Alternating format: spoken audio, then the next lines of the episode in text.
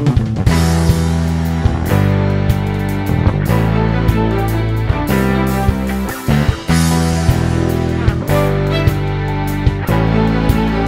Bapak Ibu Saudara yang dikasihi Tuhan. Bagaimana kabarnya sekarang hari ini? Saat-saat ini saya berharap Bapak Ibu udah dalam keadaan baik. Tidak terasa kita sudah memasuki di awal bulan Mei tahun 2020 Biarlah setiap saudara dan saya senantiasa di dalam perlindungan Tuhan Yang senantiasa menyertai setiap saudara dan saya kalau kita melihat dan mendengar akhir-akhir ini di dalam situasi yang terus ada di dalam pandemi COVID-19 yang kita rasakan dan bukan hanya secara lokal tetapi yang kita rasakan juga secara global yang merubah setiap keberadaan saudara dan saya. Semua bisa berubah dari pendidikan yang terendah sampai yang tertinggi mengalami perubahan. Tempat yang biasanya kita bisa kunjungi sekarang tidak bisa dikunjungi. Usaha yang bisa kita jalani akhirnya tidak bisa kita jalani. Banyak tempat usaha banyak perusahaan banyak karyawan yang mengalami juga tekanan orang yang tadinya bisa berpenghasilan hari-hari ini juga ada yang tidak bisa mendapatkan hasil apa-apa. Saudara orang sedang ada di dalam tekanan tekanan jiwa. Selama orang harus tetap mengeluarkan untuk biaya makan, biaya sekolah dan biaya yang lain-lain sementara pemasukan yang diterima tidak seperti yang kita biasa jalani hari demi hari. Saudara, banyak usaha yang saudara perhatikan juga harus ditutup akhir-akhir ini.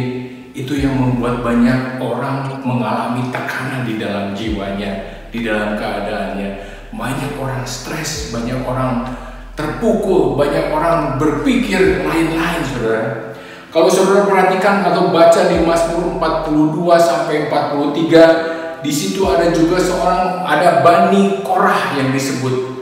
Mereka juga mengalami banyak tekanan, saudara.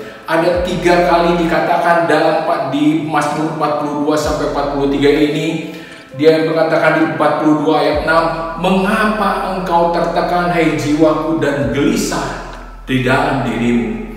Berharaplah kepada Allah, sebab aku akan bersyukur lagi kepadanya penolongku dan Allahku. Saudara, di ayat 42 sampai 11 hal yang sama dikatakan, mengapa engkau tertekan, hai jiwaku? Di ayat 40 Mazmur 43 ayat 5 dikatakan, mengapa engkau tertekan, hai jiwaku? Bani Korah tidak menutupi keadaannya seperti mungkin yang sedang kita alami akhir-akhir ini juga banyak orang mengalami tekanan jiwanya, banyak orang mengalami pergumulan yang tidak pernah disangka akan menghampiri setiap saudara saya.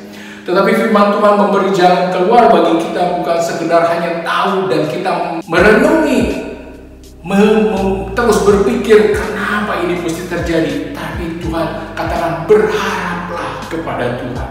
Saudara kalau perhatikan juga tentang Abraham, walaupun dia tidak ada dasar untuk berharap, Abraham tetap berharap juga kepada Tuhan.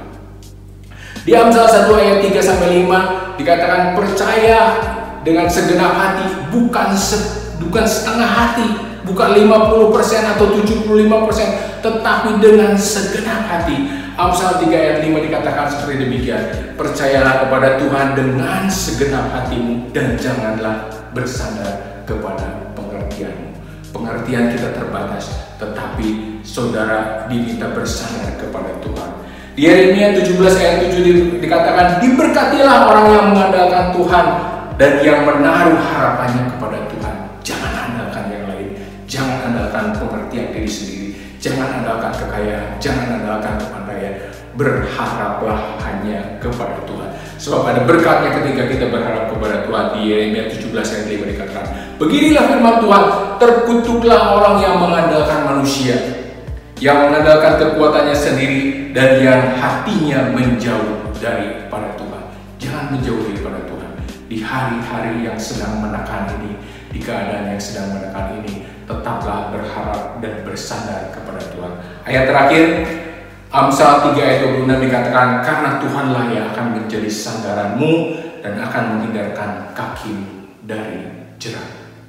Terima kasih saudara, biarlah hari-hari ini jangan sampai jiwa kita tertekan, biarlah keadaan yang sedang menekan ini tetap bersandar dan berharap kepada Tuhan. Terima kasih, Tuhan Yesus berkati.